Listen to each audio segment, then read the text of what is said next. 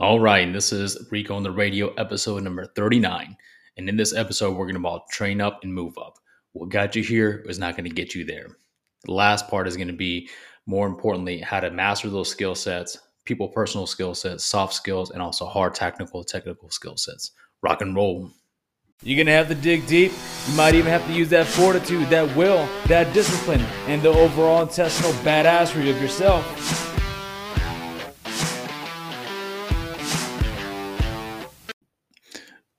Hey folks, thanks for joining me. This is Rico on the radio, episode number 39, Train Up, Move Up. And this one is actually brought to you by my own brand, First Responder Coffee. Check it out, firstresponder.coffee.com. Uh, we got some really good flavors out there in regards to malware. They're all based around malware and threat actors in the cybersecurity space. So my best one is a French vanilla roast. That's one I actually like, and it's uh, pretty pretty decent. All right, so today's episode is going to be talking about train up and move up in the military, you know, jokingly, we used to talk about if you F up and up, you're going to move up, right?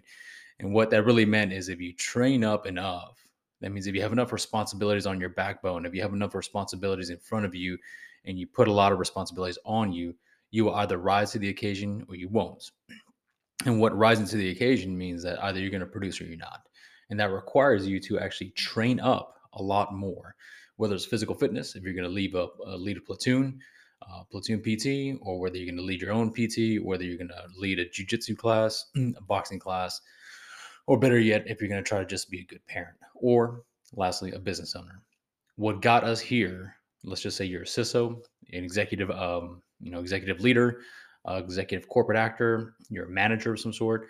Um, your hard work and dedication got you there. However, now the new evolution of you is going to be required. And so, what that might look like is mastering a couple of different skill sets. And the three areas that I always say is the areas that, in order for a leader to be a really good, effective leader, are three hard skill sets the soft skills, which is the interpersonal skills, interpersonal skills, which is like the communication skills. How can you read a room, in intellectual or emotional intellectual intelligence? And then lastly is the hard tactical skill sets. Um, something I've noticed is whenever we require ourselves to you know, let's just say, I'll give you an example. Uh, you want to become a CISO or you want to become an executive principal of a company. The hard work and dedication is going to get you to a certain point.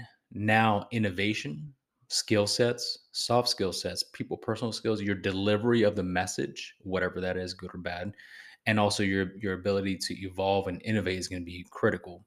Uh, one thing I noticed is upon executive leaders is that um, every executive leader is very prompt, professional, and knows how to deliver really good messaging. Whether it's, hey, you know, we have uh, we have a cancer medication, which is a very serious topic, or we have this awesome new Pepsi Cola uh, beanbag, whatever it is, the messaging has to be one of those skill sets that you have to own. If you're coming from the military, um, you know, barking orders, giving orders, and whatnot worked for a certain amount of time. And I'm just saying this from my personal experience. I used to give orders to a bunch of soldiers and whatnot, and it was cool. However, um, after a while, the newer, younger generation, the newer, younger workforce would always start to question things and start saying, "Hey, why are we doing these things?" And my messaging and my delivery, my leadership actually had to be a lot different. So now I actually do the participation leadership or servant leadership. How may I be of service to them? How can we reciprocate and how can we work together? And the reason these things are important to you is because there's a new evolution coming, right?